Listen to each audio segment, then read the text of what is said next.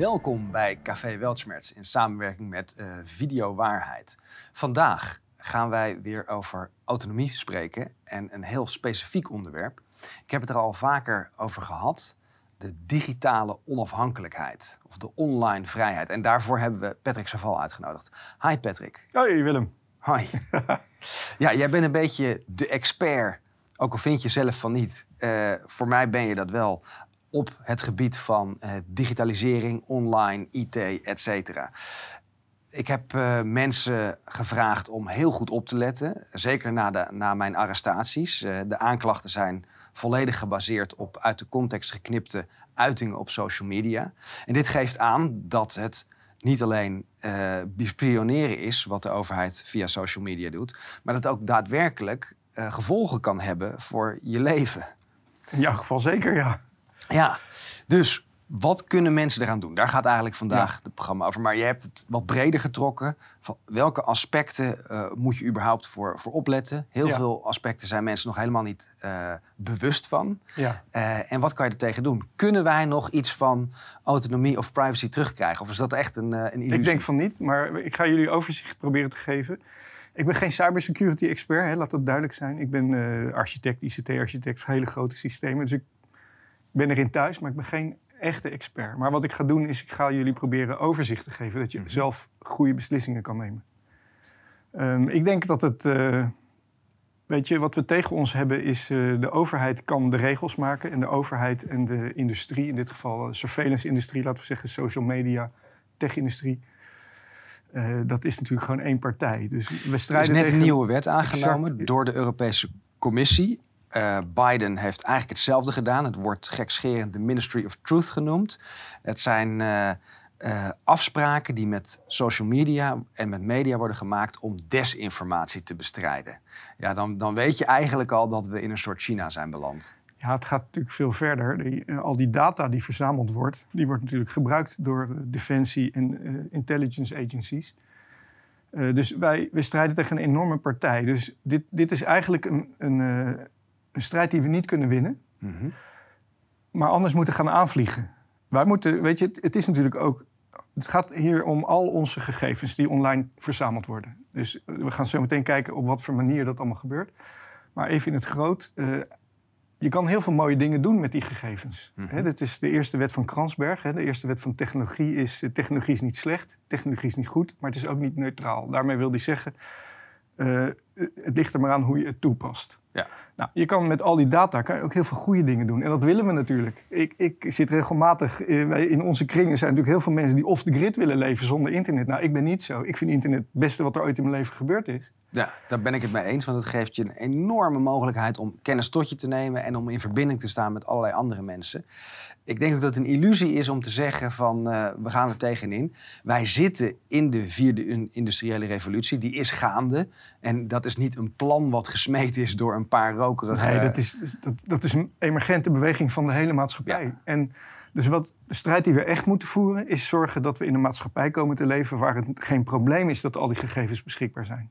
Precies, dat betekent dat je autonoom moet blijven en dus op een bepaalde manier eigenaar bent van je eigen data. En dat er een hele grote controle is op de mensen die de informatiestromen beheersen. Dat wij door de overheid beschermd worden. In plaats van dat we. Nou, uh, dus dat in het groot. Um, kunnen wij onszelf verborgen houden voor die overheid? Dat is onzin. Dat kan gewoon niet. Ik, mhm. ik, uh, zelfs, we gaan zo meteen op wat kleinere schaal kijken hoe je als je op het internet browst, mm anoniem kan blijven. Zelfs dat is onmogelijk. Kan ik je nu al.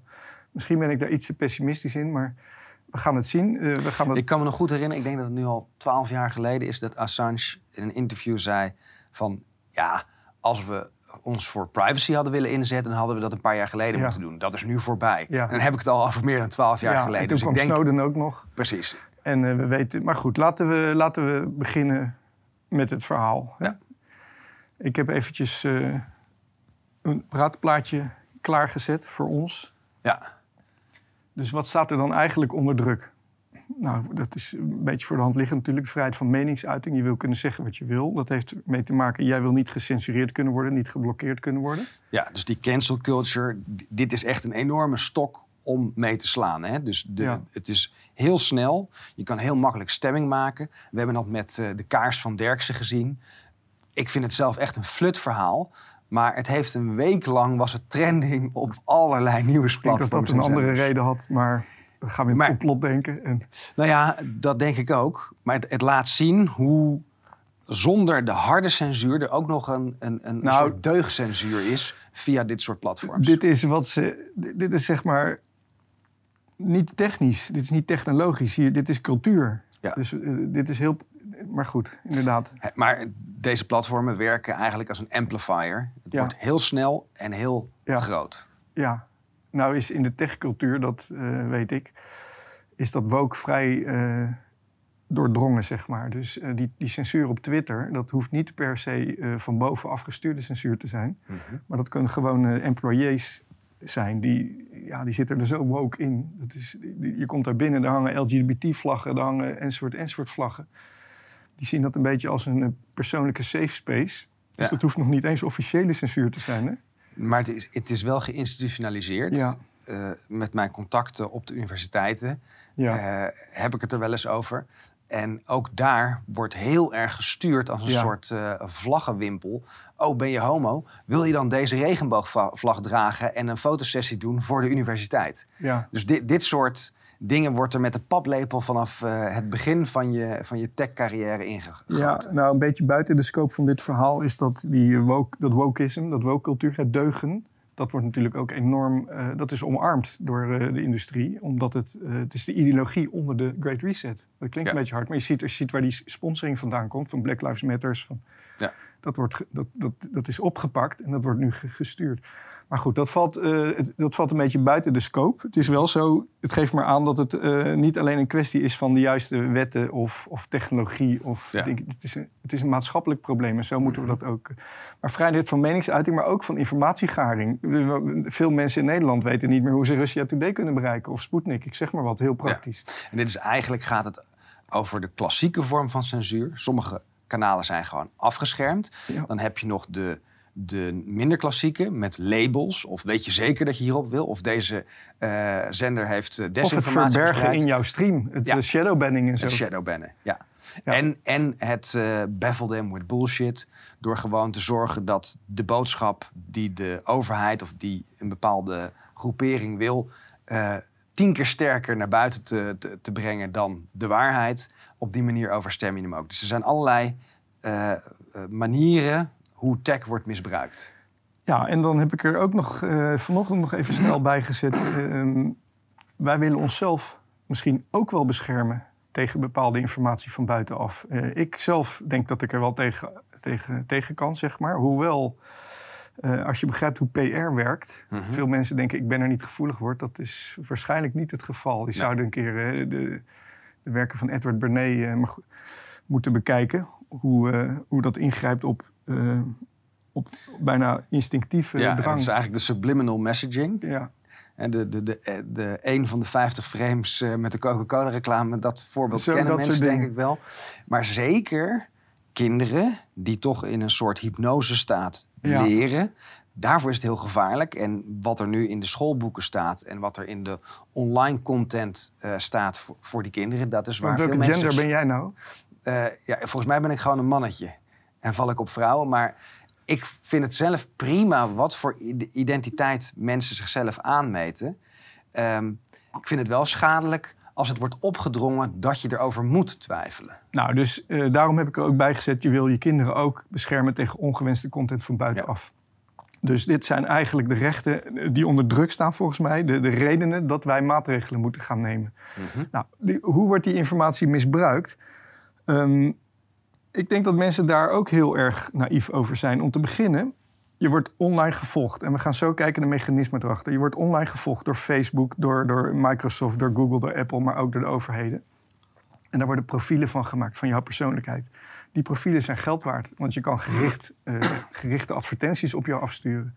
En nogmaals, in principe ben, is iedereen gevoelig voor die advertenties. Je krijgt een soort uh, aankoopdrang van of meedoendrang. Um, dus je leven wordt er duurder voor, even plat gezegd. Uh, dus die profielen die worden, die zijn geld waard. Wat je ook, uh, wat je ook ziet is, um, uh, hoe noemen ze dat? adaptive pricing. Um, als zij op een gegeven moment weten hoe jij in een bepaalde aankoop of in een bepaalde drang zit, dan kunnen ze die prijzen verhogen of verlagen om jou. Een mooi voorbeeld daarvan zijn de, de, de festivaltickets of de vliegtickets. Vliegtickets je, is een je, hele. Je kijkt voor één stoel en je denkt, ah, ik heb een mooie prijs gevonden. Ik ga voor de groep bestellen en opeens zijn de stoelen duurder geworden. Nou ja, en, en als je al eerder bent geweest op zo'n prijs, prijsvergelijkingssite, zijn de prijzen dan meestal hoger. Um, dat gaat nog veel verder. Um, ze kunnen bijvoorbeeld ook verzekeringsmaatschappijen. In principe mogen ze er nu nog niet bij. Ik weet niet hoe alle wetgeving in alle landen zitten. Maar in Nederland volgens mij mogen uh, verzekeringsmaatschappijen geen gebruik maken van, van al die profielen van, die van mensen verzameld worden. Maar ze kunnen, ze kunnen dus, uh, als zij een bepaald risicoprofiel aan jou hangen, kunnen ze daar uh, prijsbeslissingen over nemen of andere soort beslissingen. Maar laten we het eventjes naar de overheid brengen. Uh, het toeslagenschandaal of de veroordeling van Rutte. Hè, want me mensen vergeten wel eens dat Rutte, toen hij staatssecretaris uh, was, is veroordeeld voor racisme. Uh, en dat ging over het profileren van Somaliërs. Um, dat is al in 2003 of 2004 geweest. maar daarmee zie je, en dan wil ik niet de, de Zwarte Piet naar, naar Rutte spelen. Hij is een persoon van dat hele systeem. dat profileren het idee dat in de jaren 90 is opgekomen, is in begin jaren 2000 is dat uh, uh, gepioneerd. En nu is het de standaard. Ja. Sommige mensen zeggen dus, oh wat erg, die toeslagenschandaal. Maar dit is het topje van de ijsberg. Het is allemaal zo. Dus de overheid gebruikt het al op hele grote schaal. Overheden en, uh, en bedrijven dus inderdaad. Dus je wordt geprofileerd en daar kunnen ze product- of dienstbeslissingen opnemen. Op jou gepersonaliseerd. En dat kan in jouw voordeel zijn of het kan in jouw nadeel zijn. Mm -hmm. maar dat gebeurt er dus. Wat weinig mensen uh, zich realiseren, omdat het zo groot is waarschijnlijk. Maar uh, in 2017 zat ik een heel mooi draadje op Twitter te lezen van een, uh, een Google Artificial Intelligence Engineer. Er is ook een feedback loop tussen jou en die profielen en de online. Nou, dit klinkt heel onduidelijk, ik ga het gewoon uitleggen. Al die websites die kunnen bijhouden waar jij bent dat, geeft aan wat voor gedrag je ongeveer hebt. En wat voor, als je allemaal rechtse websites, allemaal linkse websites of bepaalde topics of bepaalde. Zij, zij zien over het hele internet waar jij bent. We komen er zo op terug hoe dat werkt. Um, als jij op Facebook zit, dan kunnen ze ook controleren welke informatie jij te zien krijgt in jouw stream. Die fil dat filter. Nou, wat doen ze? Ze voeren al die gegevens over jou, die voeren ze aan een grote artificial intelligence. En die intelligence die heeft al heel snel in de gaten dat als die een bepaalde manipulatie in jouw stream doet, dat dat een bepaald gedragsverandering in jou teweeg brengt. En dan kunnen ze je besturen. Dat is gewoon een soort van mind control. En dat moet je niet onderschatten.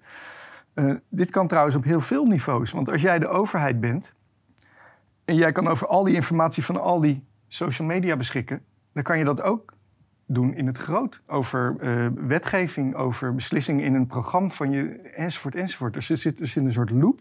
Zij weten waar je overal bent, ze kennen jouw gedrag. Ze kunnen de informatie die ze aan jou voeren, of ze kunnen de wetten die ze maken, of ze kunnen, hè, ze kunnen ja. iets veranderen. En ze zien jouw reactie daarop veranderen. En dan heb je dus, je zit in een loop met al die informatie. Ja, een van de eye-openers voor mij was de uh, verkiezingscampagne tussen Clinton uh, of uh, ja, Hillary Clinton en, Trump, uh, en, Trump. Dat als je op Google iets opzocht van een schandaal van Hillary Clinton, werd het helemaal weggeduwd. Het was eigenlijk niet te vinden. En dat was, dat was dus niet alleen maar monitoren, maar heel duidelijk sturen in bepaald gedrag. Ja. En inderdaad bepaalde informatie naar voren brengen en andere informatie naar achter brengen. Niet gebaseerd op jouw profiel, maar gebaseerd op sturing van buitenaf. Nou ja, je kan je, als je dit mechanisme eenmaal begrijpt, kan je je allerlei variaties in allerlei ja. groottes en allerlei schalen kun je je voorstellen. Maar het feit dat zij en de informatie die je ziet uh, beheersen en zien wat jij, hoe jij daarop reageert, betekent dat ze je kunnen bijsturen. Ja. En dat is uh, onderschat mechanisme. Ja, ik zou het mind control willen noemen. Mm -hmm. um, dus dat, dat is wat er aan de hand is. En daar moeten we ons uh, proberen tegen te gaan beschermen. Misbruik van informatie is ook heel duidelijk. Uh, profielen bijhouden om je te criminaliseren. Hè? Dus daar hebben we het al even kort over gehad. Het is uh, iets wat op grote schaal gebeurt. Iedereen die naar demonstraties is geweest of die zich uh, in de media kritisch heeft uitgesproken, staat in een profiel van de NCTV. Dat, daar kan je ja. echt van uitgaan. Eh, de NCTV heeft daar geen juridische grondslag voor, maar dat is altijd met spionagediensten. Die doen dingen totdat ze gepakt worden. En dan moet er een wet worden aangenomen om het achteraf goed te keuren. Nou, dus de vraag is, hoe gaan we ons daartegen beschermen? En hoe gaan we zorgen dat ze ons niet kunnen blokkeren of die informatie kunnen ontnemen? Ehm, de volgende vraag daarbij is, tegen welke actoren kan je je wel en niet beschermen? En tegen welke soort spionage kan je wel en niet beschermen? Ik, ik kan je garanderen dat als ze jou, in, dit, in jouw geval natuurlijk heel actueel, persoonlijk willen targeten, kan je je daar niet tegen beschermen. Mhm. Ik ben vroeger bij allemaal van die demonstraties geweest van al dat soort spionagepakketten, Finfisher, allemaal weet ik wat. Als ze jou persoonlijk willen targeten, kan je je daar niet tegen beschermen. Dus zeg een state actor die jou op het oog heeft, Ja. kan je, daar zal je andere strategieën dan, dan dit soort strategieën tegen Ja, dus, gebruiken. dus mijn strategie die ik nu gebruik is juist heel erg naar voren alles opengooien. Misschien ook wat, wat, eh, wat desinformatie erbij doen. Eh, af en toe moet je met een pruik iemand anders in die auto laten zitten. Want ik weet niet hoe ze jou van die snelweg hebben afgeplukt. Maar eh, On- ongetwijfeld hebben ze de, de vijf auto's waar ik wel eens in meerij, alle nummerborden in mijn file gezet. En gebruiken ze de, de, de trajectcontroles nou, en de milieupoortjes van de steden en de snelwegen. Nou, dus daar, ga, daar gaan we ons niet tegen beschermen. Waar we ons wel enigszins tegen kunnen beschermen is, laten we het zeggen, de sleepnetachtige, de grote dataverzameling. Nou, heb ik wat, wat toeltjes op een rijtje gezet. Om eerst de, bedreigingen. Wat, wat gebeurt er dan allemaal eh, in jouw online leven, ehm, wat jij waarschijnlijk eh, niet in de gaten hebt? Om te beginnen, eh, dat was vooral van, ik noemde hem net Snow, Snowden Mhm, weten we dat eh, zelfs hardware die uit de fabriek komt, mhm, is al voorzien van trojans. Mhm. Eh, dat zijn bijvoorbeeld kleine tappuntjes of backdoors of kleine Mhm. programma's die informatie gaan versturen. Dus in principe is al jouw hardware verdacht. Dat weten Ik we. weet nog dat er, dat was ook onder Trump, dat er een hele heisa werd gemaakt over de hardware voor de 5G-netwerken. of eh, die uit China zouden komen. Ja, de Huawei. Ja, precies. Want daar zouden allerlei eh, Trojans in kunnen Nou, zitten. je weet, als ze dat van een ander zeggen, doen ze het waarschijnlijk zelf. Juist. Dus op het moment dat die hele infrastructuur Chinees zou worden, verliezen ze zelf hun controle over al die tappunten. Ja. En het was natuurlijk gewoon, de Amerikaanse industrie is niet meer competitief. Dus die kunnen eigenlijk alleen nog maar boven water blijven door, door eh, bans en, eh, en dat Mhm. soort dingen. Maar inderdaad, dus Trojans, dat is, dat is een probleem. Ehm, websites zijn voorzien van ads en trackers. Dat is vaak hetzelfde. Ehm, daar gaan we het zo meteen over hebben. Hoe je die kan eh, tegenhouden. Eh, fingerprinting. Als jij binnenkomt eh, op een verbinding, dan kunnen ze op een bepaalde manier zien wie jij bent of welk apparaat het is. Daar moet Precies, want je hebt een apparaat, ID en je hebt een IP-adres. En meestal is het al genoeg om het heel specifiek te maken. Dan weten ze eigenlijk, dat is die persoon. Ja, dat gaat, dat gaat nog veel verder trouwens. Backdoors in encryptie bijvoorbeeld. Misschien is de encryptie wel eh, gecompromitteerd, weten wij dat niet. Ik, ik vind altijd, eh, wat ik wel grappig vind in dit geval... eh, je- wij hebben in onze kringen hè, van, de, van de wappies en de zappies... hebben we het altijd over technologie die er al lang is... maar nog niet vrij is gegeven, dat soort dingen. Wat er volgens mij wel, waar ik dan zelf altijd aan denk, is quantum computing. Je hebt een nieuw soort computer, een quantum computer. Het is in principe een volledig waardeloos ding voor normaal gebruik... Maar in sommige, in sommige toepassingen is hij onwaarschijnlijk snel. En een daarvan is het kraken van encryptie. Dan schijnt die kwantumcomputer nog niet operationeel te zijn. Mhm. Maar ja, dit is natuurlijk de heilige graal van, van, van geheime diensten. Als zij een kwantumcomputer hebben, misschien al wel tien jaar... Dan krijg je een al beetje het enigma-verhaal van eh, de Tweede Wereldoorlog. Ehm, Dus zorgen dat de tegenstander niet weet dat jij de code al hebt gekraakt. Ja, dus ik vind zo'n quantumcomputer typisch iets... dat hebben ze ergens in een vroeg stadium hebben ze dat onderschept en voor zichzelf gehouden. Maar hè, dat is... eh, Ja. Nou, dus dit zijn al die, dit zijn al die bedreigingen. En, en eh, het inspecteren van, van jouw verkeer, onderscheppen van data... en waar we zo meteen over gaan hebben, dus iets technischer, eh, DNS-tracking. In principe DNS, dat staat voor Domain Name Server. gaan we zo meteen, Ja. dat is de meest technische. Maar om dit allemaal een beetje in een plaatje te zetten, is het misschien handig als ik je uitleg wat er gebeurt als je in je browser Mhm. Een URL. We gaan trouwens onszelf tegen meer beschermen dan alleen ons internetverkeer Mhm. vanuit de browser. Maar als jij in een browser wat intikt, wat er allemaal gebeurt onderweg. Mhm. Om te beginnen, als jij je browser, eh, daar tik je die URL in. Mhm. Het eerste wat die browser moet doen, is die URL is een menselijk leesbare naam. Maar hij moet die connectie gaan leggen op een IP-adres. Dat zijn die gekke getalletjes, 192.168.68.5. Dat is een. IP-adres. Hij moet het IP-adres gaan krijgen. Het eerste wat hij daarvoor doet, is hij moet een een DNS-verzoek gaan doen. Eerst lokaal. Je hebt zo'n systeem lokaal. Dan bij jouw provider. En die provider die zal, en dan krijgt hij dat IP-adres terug. Dat is die DNS waar je nu op. Dat pakketje wat zo door de lijn gaat, dat gaat natuurlijk eerst uh, van je browser naar je operatingsysteem. Gaat het naar je access point? Gaat het naar je router? Gaat het naar je modem? Gaat het aan de overkant naar de modem? Gaat het, het gaat naar de ISP. Van de ISP gaat het naar de overkant van de server. Daar zitten allemaal apparaten tussen. En al die apparaten kunnen in principe jouw verkeer bekijken. En al die apparaten kunnen loggen wat jij doet. Dus het is een hele keten waar je je tegen moet gaan beschermen. Nou is dat heel eenvoudig. Maar het eerste verzoek wat hij doet, is hij gaat dat leesbare naam, viruswaarheid.nl, gaat hij opvragen ergens op een andere computer, dat heet het DNS. Gaat hij opvragen welk IP-adres is daarbij.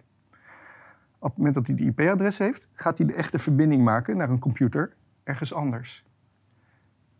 Die computer ergens anders, bijvoorbeeld een webserver, die geeft, die geeft code terug, HTML. Dat komt zo terug in je browser. En nou wordt het belangrijk, er zit tegenwoordig niet alleen maar HTML in, er zit ook JavaScript in, uitvoerbare code. Jouw browser is een compleet operatingsysteem op zichzelf. Het zijn supercomplexe dingen, het zijn complete operatingsystemen met heel veel uh, autonome intelligentie, laten we het zo noemen. Dus op het moment dat jij je webpagina opvraagt, krijg jij niet alleen uh, de opmaak van die pagina, maar er komt ook allemaal code mee. En die code gaat jouw browser uitvoeren. En daar kan je bijvoorbeeld een mooie opmaak van krijgen. Of je kan er door een kaartje mee scrollen. Of je kan er uh, geluidjes mee afspelen. Precies, hè? daardoor wordt het interactief. Dus het heeft veel voordelen voor de ja. gebruiker. Ja. Dus dat hele mechanisme, eerst doet hij dat opzoeken van dat adres. Dan gaat hij connecten met dat adres. Daar zitten allemaal apparaten tussen. Mm -hmm. En dan komt er code bij jou binnen. En die mhm. code gaat uitvoeren. Nou, daar zit de grootste truc. Want wat, wat veel van die websites, wat sturen die mee? Trackers. Dat zijn stukjes code die gaan jou terugmelden aan een andere server. Begrijp je dat? Mhm. En die trackers, omdat ze lokaal op jouw computer draaien, kunnen ze ook heel veel informatie over die computer kunnen ze jou terugsturen. Wat voor een operatingsysteem zelfs jij opdraait, wat voor een browser het is, eh, welke plugins jij hebt draaien, of je batterijstatus, al die gekke dingetjes, gek genoeg, hebben ze toegang toe en kunnen ze teruggeven. Nou, dat is het, meteen het vervelende deel. Um, die combinatie van eigenschappen van jouw computer, de fingerprint, die kunnen ze terugmelden. Daar kan je je eigenlijk niet tegen beschermen. Uh, dus daarom dat ik in het begin zei, uh, kan je ongetrekt over het internet? Dat kan denk ik niet. En als je er een virtual machine op draait? Nou, dus hoe gaan we ons hier tegen beschermen? Mm -hmm. Dus nogmaals even, even in het klein. Er wordt een lookup gedaan van viruswaarheid naar een IP-adres. Mm -hmm. Dat komt dan allemaal op een bepaalde server terecht bij jouw ISP, Service Provider. De browser gaat vervolgens die pagina ophalen. En gaat ervoor over allemaal apparaten, waaronder jouw router, jouw modem, enzovoort, enzovoort. En hij komt terug met een stuk code en dat gaat hij allemaal uitvoeren. En daar moeten we ons uh, tegen gaan beschermen dat er geen uh, malicious, kwaadaardige code wordt uitgevoerd. Nou, hebben we dat allemaal een beetje op een rijtje gezet. Um, laten we beginnen bij de adblocker. Mm Het komt vrij onschuldig over, hè? een ad, een advertentie die op jouw uh, computer draait. Mm -hmm. Maar los van dat jij daar waarschijnlijk niet ongevoelig voor bent, je denkt wel dat je er tegen kan, maar er is een reden dat de grootste industrie op aarde is waarschijnlijk de, de, de, deze industrie. Iemand moet dat betalen. Dus er zijn genoeg mensen die. Jouw daar... leven wordt er. Ja. Iemand betaalt, dat zijn wij. Wij betalen ja. dat, dus je bent er toch gevoelig voor. Nou, die adblocker, dat is heel belangrijk. Die moet je sowieso gaan installeren. Die adblocker kan je op verschillende manieren kan je die installeren. Je kan gewoon in je browser, kan je zeggen, in de, je hebt zo'n webstore voor je browser. Ik haal een MuBlock of Ghostery of uh, een adblocker en die installeer ik in mijn browser. Wat doet die? Die zorgt ervoor dat als die code binnenkomt, die, die, die, die pagina binnenkomt, dat die al die trackercode eruit haalt. Dat scheelt al iets. Mm -hmm. Adblocker moet je hebben. Maar op jouw computer draait niet alleen een browser, daar draaien nog andere browsers of daar draaien andere apps. Die zijn dan nog niet beschermd. Dus je kan die adblocker kan je misschien beter vervangen door een blokker op computerniveau. Dus die, die doet dat met al het verkeer dat binnenkomt. Dus niet alleen voor die browser, begrijp je? Mm -hmm. Dus die adblocker in die browser, die gaat ervoor zorgen dat die code die jou gaat terugmelden aan allerlei partijen niet wordt uitge- uitgevoerd. Maar die, die browser, ja, dat is natuurlijk alleen maar die browser. Misschien heb je nog wel meer apps op je computer. Misschien nog wel stiekem apps op je computer. Misschien een andere browser die je ook nog gebruikt. Dus die adblocker wil je eigenlijk naar computerniveau brengen. Dat kan ook. Ik gebruik zelf AdGuard. En die bewaakt de hele verbinding. Dus alles wat er op de computer binnenkomt, wordt gefilterd. Nou, dit, is een belangrijk, dit is al een belangrijk eh, onderdeel van je bescherming. Je moet een goede adblocker hebben. Of in je browser, of op computerniveau. Vergeet ook niet dat niet alleen eh, jouw computer, maar ook je telefoon, maar ook je televisie of alle andere smart devices, die hebben dat dan ook nodig. Nou, veel van die adblockers, eh, bijvoorbeeld die AdGuard die ik net noemde, die kunnen inderdaad op je telefoon, maar die kan dan weer niet op je televisie. En ik heb zelfs een wasmachine die aan het internet hangt en ik heb zo, ja, wat moet je daarmee? Dus hoe ver gaat het? We weten allemaal van Edward Snowden je cameraatje afplakken, want er kan altijd meegekeken worden. Maar wat me ook opvalt, is dat ik het een keer over, eh, of een vriend van mij had het over Esther Perel. Had ik eh, nog niet over gehoord. Ik ga zoeken en hij vult het zo aan. Dus daar zie je dat Google gewoon de gesprekken meeluistert. Nou, ja, ik, ik denk dus ook niet, eh, zeker als je zo'n smart home hebt. Ik had het net, ik heb dan een Android TV en tot mijn grote, eh, ja, ik vind het gewoon cool om te hebben, maar ik ken de risico's. Dus het was een beetje een, eh, Mhm. je kent dat. En ik zie dan elke dag die afstandsbediening op tafel liggen en daar zit het microfoontje in. Nou, dus, ehm, maar misschien kan je daar nog wel wat tegen doen. Daar krijgen we zo wat middelen Mhm. tegen. Maar dat gaat heel ver natuurlijk. Ik zal je het nog veel sterker vertellen. Veel van die smart home dingetjes, zoals je deurbel, zoals een thermostaat, zoals een cameraatje, zoals al die smart dingetjes in je smart misschien wel een lamp zelfs, die zijn tegenwoordig ook smart op het internet. Mhm. Die zijn allemaal gebouwd een beetje rond standaard, eh, standaard eh, chippies, laten we het zo noemen. Mhm. En die chippies hebben de mogelijkheid om met elkaar een mesh-netwerk te vormen. Mhm. Die kunnen op hele korte afstanden kunnen ze dingetjes verzenden. En die vormen dus een mesh-netwerk. Wat betekent dat? Dus jouw lamp gaat over de andere lamp, gaat over de lamp van de buren, gaat over de, over de, de deurbel van de andere buren, gaat die terug naar een server om in dit geval eh, gebruikersstatistieken of diagnostische gegevens te versturen. Maar met een kleine firmware-update, zo noem je dat, zou dat zomaar gebruikt kunnen worden om nog veel meer informatie. Dus dat gaat heel ver. Dus nogmaals, dit is een, dit is een strijd die we niet gaan winnen. Dus daarom moeten we die anders Dus de. Internet of Things is er nu. Ja, Hoe kunnen we ons daartegen wapenen? Moeten we een stap terug doen? Wat, wat is de. Nou, we gaan dat- eigenlijk weer even uitzoomen. Van wa- wat zijn nou de basisverdedigingslinies? Dan heb je end-to-end encryption en decentralisatie. En ik denk dat dat eh, voor, de, voor de hoofdstrategie belangrijk is. ja, die hebben we inderdaad net even overgeslagen. Ehm, ik vertelde jou nogmaals, die strijd gaan wij volgens mij niet winnen. Weet je, die technologie die ramt door, die komt er gewoon. En die technologie die is in principe fantastisch, totdat die misbruikt wordt. Dus we moeten op maatschappelijk niveau dat misbruik eruit halen. Ja. Dat is onze echte strijd. Ehm, ik vertelde je net, en nu ook, ehm, dat meshnetwerk. We hebben het over ketens. Je- wij, als wij praten over het internet, dan gaat het over een hele keten van apparaten. Mhm.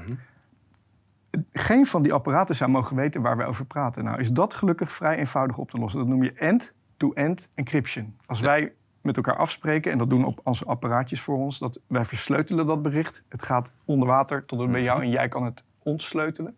Dan is dat goed. Dus end- end-to-end encryption is een belangrijk wapen. Ehm, dat is tegen spionage. Mhm. Op die endpoints, daar hadden we het net, daar zitten al die trojans. Daar zitten al die... Ja. Dus het, dus het belangrijkste is eigenlijk, als je die encryptie hebt, dan gaat het erover dat je die twee einden, waar je dan de berichten uitleest en waar je de interactie hebt, die moeten verdedigd worden. Maar dat wordt al veel moeilijker. Want jij koopt gewoon een Windows besturingssysteem. Ja. Je koopt gewoon een Mac OS. Je koopt Android. Die apparaatjes, we weten dus van Snowden dat veel van die harde schijven, van al die hardware is al voorzien van trojans, van tappunten. Dus dat wordt al heel moeilijk. Mhm. Eh, er zijn wel oplossingen voor. Maar dat gaat te ver voor even voor deze. Volgende aflevering gaan Ja, we daar op ja, de dus-. De endpoints beveiligen. En het transport beveiligen. De transport beveiligen is gelukkig vrij makkelijk. Daarvoor moet je end-to-end encryption aan hebben. Moet je niet vergissen met HTTPS. HTTPS is ook encryptie. Hè? Dat is wat er altijd voor je website staat. Mhm. Als jij met Telegram in een groepsgesprek zit, dan zie jij netjes dat er HTTPS-encryptie is. Maar dat is niet tussen jou en de andere leden. Dat is tussen jou en hun server. Op hun server wordt het weer gewoon gelezen. Precies, want dan komen we bij die decentralisatie. Eh, blockchain is een voorbeeld van decentralisatie. Wat is nou een voorbeeld van centralisatie? Nou, dit, dus, dus een, centrale, een centrale server voor, om te chatten bijvoorbeeld. Dus de Telegram-server, de WhatsApp-server, de Signal-server. Juist. En zijn al die diensten daarmee eigenlijk inherent onveilig? Nee. Ehm, WhatsApp is veilig in de basis omdat het end-to-end encrypted is. Als wij een mhm. gesprek hebben, dan is alleen onze telefoon en jouw telefoon, die kunnen dat lezen. Alles wat ertussen zit, hun server ook niet. Maar zij kunnen wel zien met wie ik aan het praten ben en hoe mhm. lang. Dus dat is de metadata. Die gebruiken ze wel. Uh, maar de, de, dus dat is ook weer gelaagd. Hè. sommige dingen zijn wel veilig, sommige dingen zijn niet. Uh, het grootste probleem met centrale servers is dat ze jou kunnen blokken en dat je nergens anders terechtkomt. Nou, wat is decentralisatie? Is bijvoorbeeld een goed voorbeeld is een bank. Als wij betalen en het gaat via de ING, dat is een centraal systeem. ING kan jou blokken, kan mij blokken. Ze hebben dat inderdaad bij mij gedaan, ja. Als ik, ik weet niet of ik geld in mijn zak heb om plastisch, dat heb ik niet. Maar als ik jou een tientje zou geven, cash, ja. dan is dat decentraal. Daar zit niks tussen. Juist. Op het internet bestaat dat ook. Bitcoin is bijvoorbeeld decentraal geld, mm cashgeld. Daar zit niks tussen. Dat noem je peer-to-peer. Dat soort uh, chatsystemen bestaan ook. Mhm. Dus wat wij kunnen doen is wegbewegen van centrale systemen naar decentrale systemen. Maar decentraal is, uh, een, is moeilijk om over na te denken. Veel mensen begrijpen het niet. Technologie is ook nog niet zo uh, volwassen als de andere technologie. Maar in de basis moeten we dus bewegen naar meer end-to-end encryptie. En minder centrale punten waar langs we communiceren. Het moet meer een netwerk worden dan een ster. Waar alles... En dan moet ik denken aan ShareBear en Pirate Bay en allemaal van zulke soort dingen. Jaren geleden had je dat je ook mesh-netwerken maakt. BitTorrent. BitTorrent, precies. Als jij wat downloaden, dan kreeg je al die stukjes bestand, die kreeg je van allerlei andere. Precies. In plaats van één centrale server. En dat is eigenlijk al een voorbeeld wat, wat dus moeilijk te controleren is door centrale overheden. En dan komen we bij de, waarschijnlijk de echte reden waarom hier zo hard op eh, is inge, ja.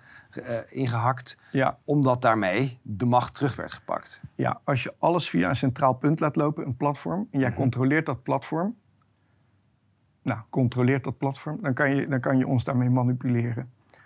Ehm, los daarvan kan het nog steeds wel zo zijn dat de communicatie over dat platform van ons end-to-end encrypted is. Dus dan is onze inhoud van de communicatie veilig, mhm. maar nog steeds is er die controle van die centrale. Ik vergelijk het een beetje met eh, de snelweg waar je als je een eigen auto hebt gewoon op kan. En dan is het veel moeilijker om te controleren. Of de trein, waar ze controleren hoe laat het rijdt, uh, waar het naartoe rijdt. Uh, je moet een ticket kopen. Uh, dus daar wordt veel meer restrictie op toegepast. Dat is een centraal systeem. En de, de, de, snelweg met losse auto's is ja, bijna op de snelweg kan je een eigen route zoeken. Ja. Kan je je eigen tijden bepalen. Op de trein is dat al veel minder. Misschien nog veel beter voorbeeld is de luchtverkeersleiding van een vliegtuig. Dat is bijvoorbeeld een mhm. centraal... Mm um, dat klopt. Dus um, wat je wilt is zonder van tevoren opgelegde beperkingen of routes. Mm Decentraal. Nou, voor geld, voor communicatie, eigenlijk voor alles. Mhm. Want wat je nu ziet is dat die overheden, uh, die nemen die platforms over. Ja. Die gaan het controleren. Ja, eigenlijk zit er geen echte scheiding meer tussen bijvoorbeeld Facebook en de overheid. Dat is overlappend. Dus ze hebben over en weer mensen werken. Het is één groot, het industrial complex ja. is één groot geheel geworden. Dus daar, daar hadden we het in het begin al over. Die strijd die wij voeren is tegen zo'n machtige vijand... die niet alleen de technologie heeft, maar ook de wetten kan maken. Mhm. Ja, en op een gegeven moment kunnen ze ons zelfs verbieden... om decentrale technologie te gaan gebruiken. Dus die strijd is nooit te winnen. We moeten mhm. er anders in gaan zitten. Ja. Ik zie daar een paar oplossingen aan de rechterkant staan. VPN, uh, eh, veel mensen weten niet wat het is. Virtual Private Networking. waarom zouden we dat moeten gebruiken? Nou, er zijn een paar. Ehm, er zijn een paar oplossingen die we kunnen gebruiken. En die zijn niet uitsluitend. Dus je kan ze allemaal gebruiken. Mhm. En nogmaals, ik ben pessimistisch, maar ik gebruik ze wel. Uh, de VPN is een, uh, normaal gesproken, als jij, we hebben net die keten uitgelegd, als jij gaat browsen, dan gaat dat via jouw internet service provider, Ziggo. Of mhm we moeten er altijd meerdere noemen, was het hè? In de Tele 2. Tele 2. Uh, ja. Dat was in de, in de mainstream media was dat ooit zo. Um, en wat die op dit moment doen, is die blokkeren bijvoorbeeld uh, Russia Today en wat andere zenders. En die blokkeren ze op dat DNS-niveau. Mhm. Dus op het moment dat jij Russia Today invoert en jouw browser heeft het IP-adres moeten we ook nodig, Sputnik noemen, hè? want anders zijn we reclame aan het maken. Sputnik, dan wil de browser graag weten welk IP-adres, welk serveradres is dat. En dat wordt door de ISP wordt dat geblokkeerd. Eh, plus, die ISP die ziet natuurlijk eh, waar je allemaal heen aan het browsen bent. Die kan jouw verkeer inspecteren. Nou is dat verkeer in principe geëncrypt, HTTPS. Maar toch, als je dat niet wilt, of als jij vaak eh, bijvoorbeeld met je laptop bij een werkgever zit of in een internetcafé en je wil niet dat die mensen daartussen dat kunnen zien, moet je een VPN installeren. Wat is dat? Dan maak je verbinding met een server ergens anders. Die kan over de hele wereld staan, afhankelijk van jouw internetprovider. Kan die in, in Rusland, je kan ze kiezen. Hè. De meeste VPN-providers hebben honderden servers over de hele wereld. Dan kan jij verbinding leggen met een willekeurige server van jouw keuze. En daartussen wordt een tunneltje gelegd. Een cryptografisch tunneltje. Dat wil zeggen dat verkeer daartussen kan niemand anders lezen. Dat komt pas boven water, daar bij die andere server. En die gaat jou verbinden met het open internet. Mhm. Dus jij gaat verbinding leggen met een ergens een anders, een server. Daartussen is alles geëncrypt. En die andere server gaat jou verbinden. Nou, wat kan dat voor, een, voor voordelen hebben? Onder andere dat jouw IP-adres wordt verborgen. Want jij wordt eh, verbonden door die andere server met die website. Maar ook dat als er blokkades zijn in één land... kan je verbinden met een server in een andere land... en van daaruit beginnen met browsen. Zijn die blokkades er niet. Dus dit is een manier om censuur te overwinnen. Maar ook om eh, tussenliggende partijen die jij niet vertrouwt eh, te weren. Zoals de ISP in Nederland, maar ook je werkgever. Waarom zou jouw werkgever mogen weten welke website jij af en toe... Hè? Iedereen zit af en toe wel eens... Ja, daar kwamen we net nog bij de, bij de vorige slide van hoe kan het misbruikt worden. Veel mensen hebben hier ook meegemaakt, eh, dat meegemaakt. Dat een werkgever eh, je social media pagina's gaat nakijken. En zegt, Ja. oh, deze persoon is iets te, te kritisch. eh, Ja. Die komt er bij mij niet in. Dat is Misschien, misschien is het veel subtieler, zijn je carrièrekansen ineens wat minder. Of Ja. je weet het niet. In ieder geval, je moet niet op de wifi van iemand anders zonder VPN. Dat is gewoon heel simpel. Je moet niet zonder VPN op de wifi van iemand anders. Dat is gewoon onlogisch.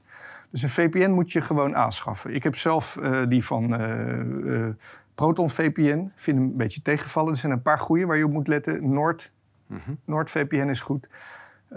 Proton VPN is goed. Waarom zeg ik goed? Ehm, je moet er dan ook op letten dat je een VPN-bedrijf neemt in een jurisdictie die veiligheid een beetje kan garanderen. Als jij een VPN in een van de Five Eyes landen neemt, of Israël, wat de facto ook een Five Eyes land is, dat is dat spionage-alliantie. Mhm. Ik weet niet of dat slim is. Als je dat soort keuzes maakt, moet je een VPN nemen ergens in een land eh, waar de wetten goed zijn. Zwitserland, Noorwegen, ik zeg maar wat. Nou, dus VPN moet je hebben. Ehm, dan ben je in de basis ook die blokkades kwijt. Veel VPN's, dat is ook wel grappig, die doen ook aan adblocking. Eh, hoe doen ze dat?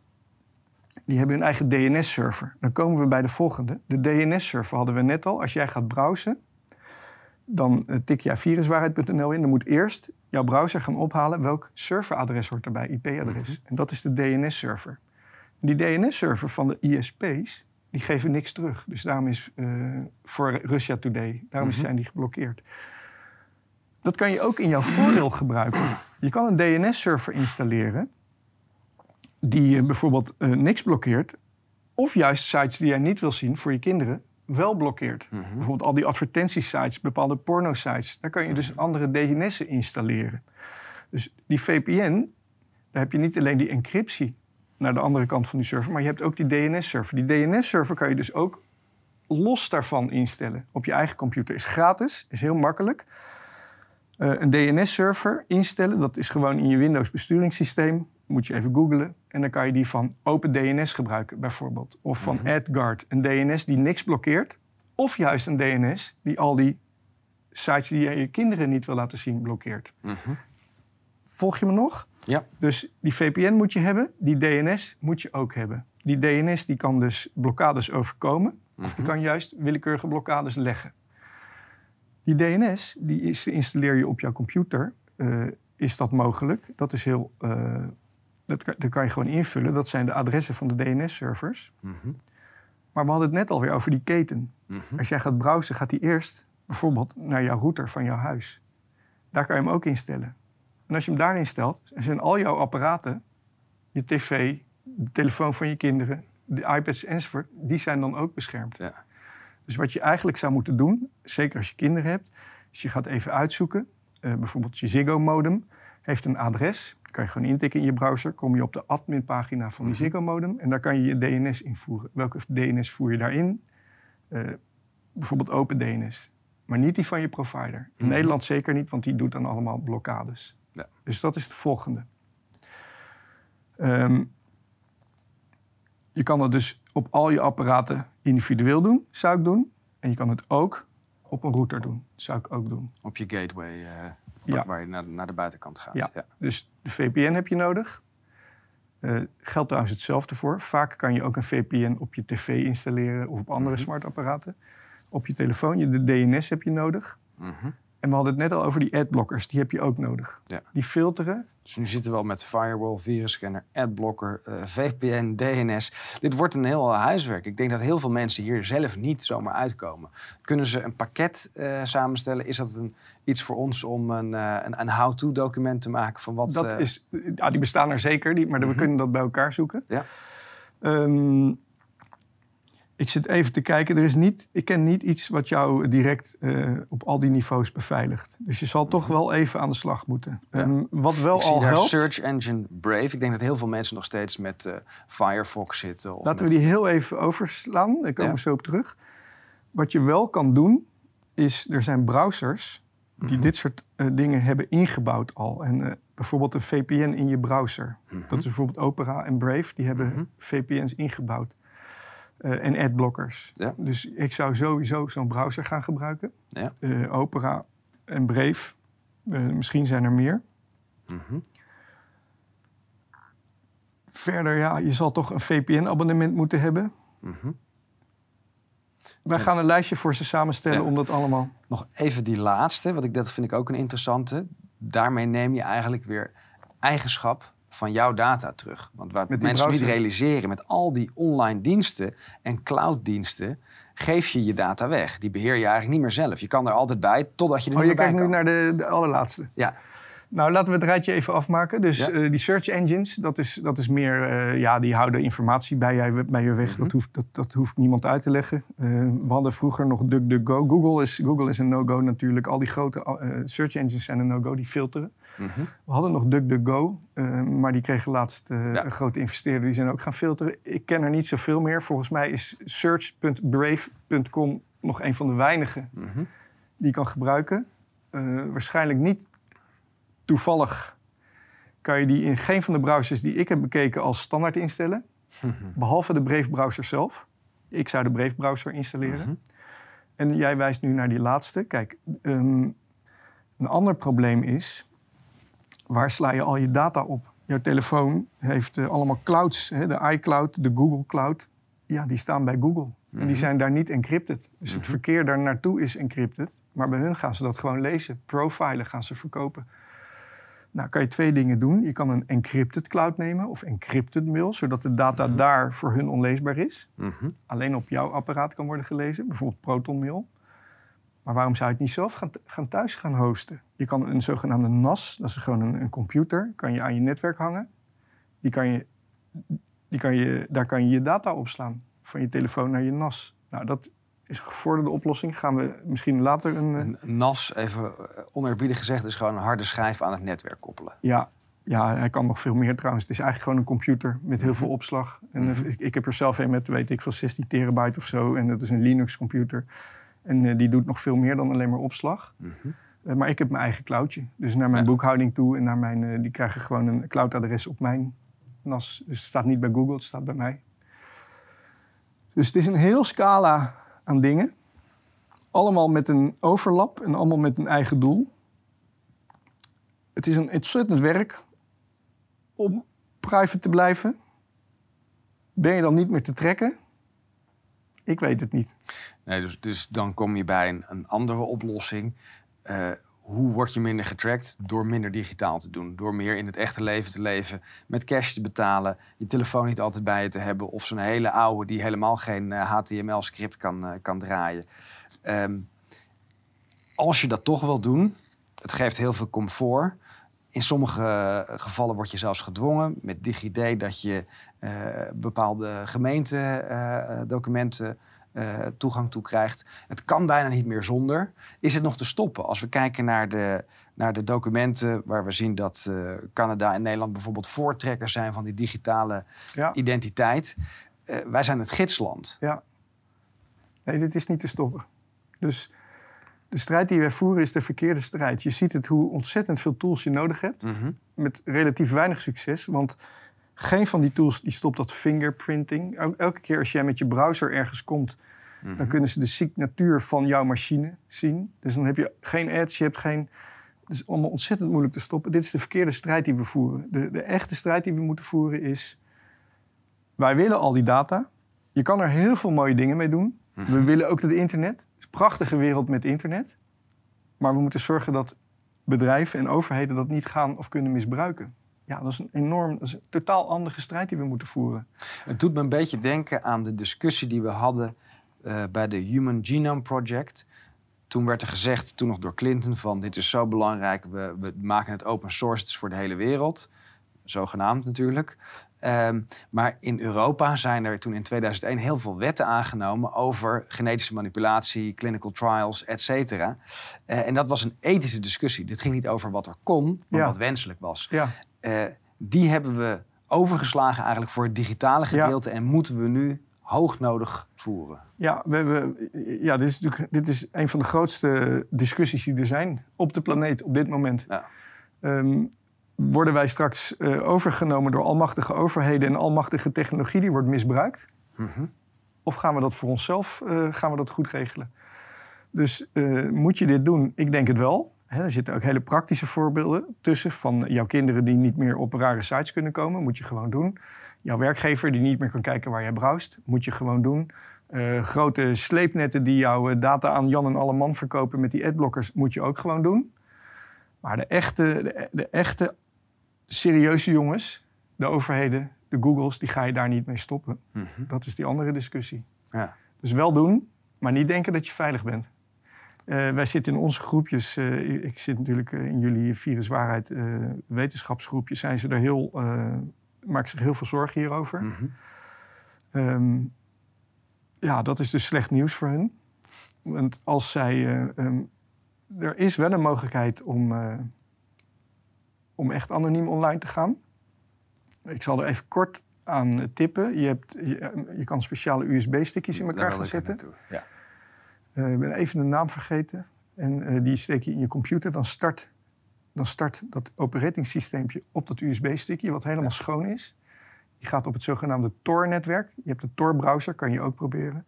Op het Tor-netwerk, dat is een netwerk uh, wat jouw pakketjes, jouw verkeer langs allemaal knooppuntjes stuurt, dat het eigenlijk niet meer te trekken is. En dan kan je inderdaad kortstondig even, als jij een klokkenluider bent of zo. Ja. Nou, daar gaan we een andere, daar gaan we een andere uh, uitzending over maken voor journalisten. Want ik heb veel contact met journalisten tegenwoordig in de nieuwe media. En die begrijpen nog niet allemaal even goed dit soort mm basisdingen. Het kan wel, maar dan, dan dat is niet voor je normale digitale online leven. Dan ben je eigenlijk al een soort spion. Uh, ja. ja, en dan val je daar, alleen daardoor val je al op, natuurlijk. Ja, um, ja het, is een, het is een moeilijk verhaal. Je moet het wel doen, maar dit, dit is niet het gevecht dat we moeten voeren. Nee, en dat gaat veel meer over wat wenselijk is en dat iedereen ze moet blijven uitspreken. Ja, want het is, het is een, in, in dat opzicht is privacy is een iedereen of niemand dingetje. Mm -hmm om deze reden. Sowieso weet je, uh, de meeste mensen, mijn vader zegt letterlijk: Ik heb toch niks te verbergen. Dat klopt ook. De meeste mensen hebben ook niks gevaarlijks te zeggen. En omdat die dan alles wijd open gooien en omdat die zich er niet om interesseren, maken ze het wel mogelijk voor mensen die wel wat te zeggen hebben, om dat in private te doen. Mm -hmm. Nou, die worden uit de maatschappij verbannen en dat heb, je, dat heb je nauwelijks in de gaten. En wat er wel gebeurt, is dat je een heel ander soort maatschappij krijgt. Omdat je er nooit over nagedacht En die mensen die dus wel wat te melden hebben, die, wel, die, worden die, die krijgen die kans. Het is iedereen of niemand heeft privacy. Mm Dus dat, het is een veel grotere discussie. Mm Ik denk dat we hem hier afsluiten en binnenkort naar deel 2 gaan. Ja. Uh, een soort overview willen geven vandaag. In deel 2 gaan we eigenlijk over een how-to document van hoe implementeer je dit. En ik denk dat ook veel mensen nog vragen hebben van moet ik wel DigiD eh, gebruiken? Eh, welke apps zijn veilig? Eh, de, de, de, discussies over WhatsApp, Telegram, Signal. Ehm, dus wat meer praktische antwoorden op dit welke soort tooling, vragen. Ja, oké, is goed. Ja, graag gedaan.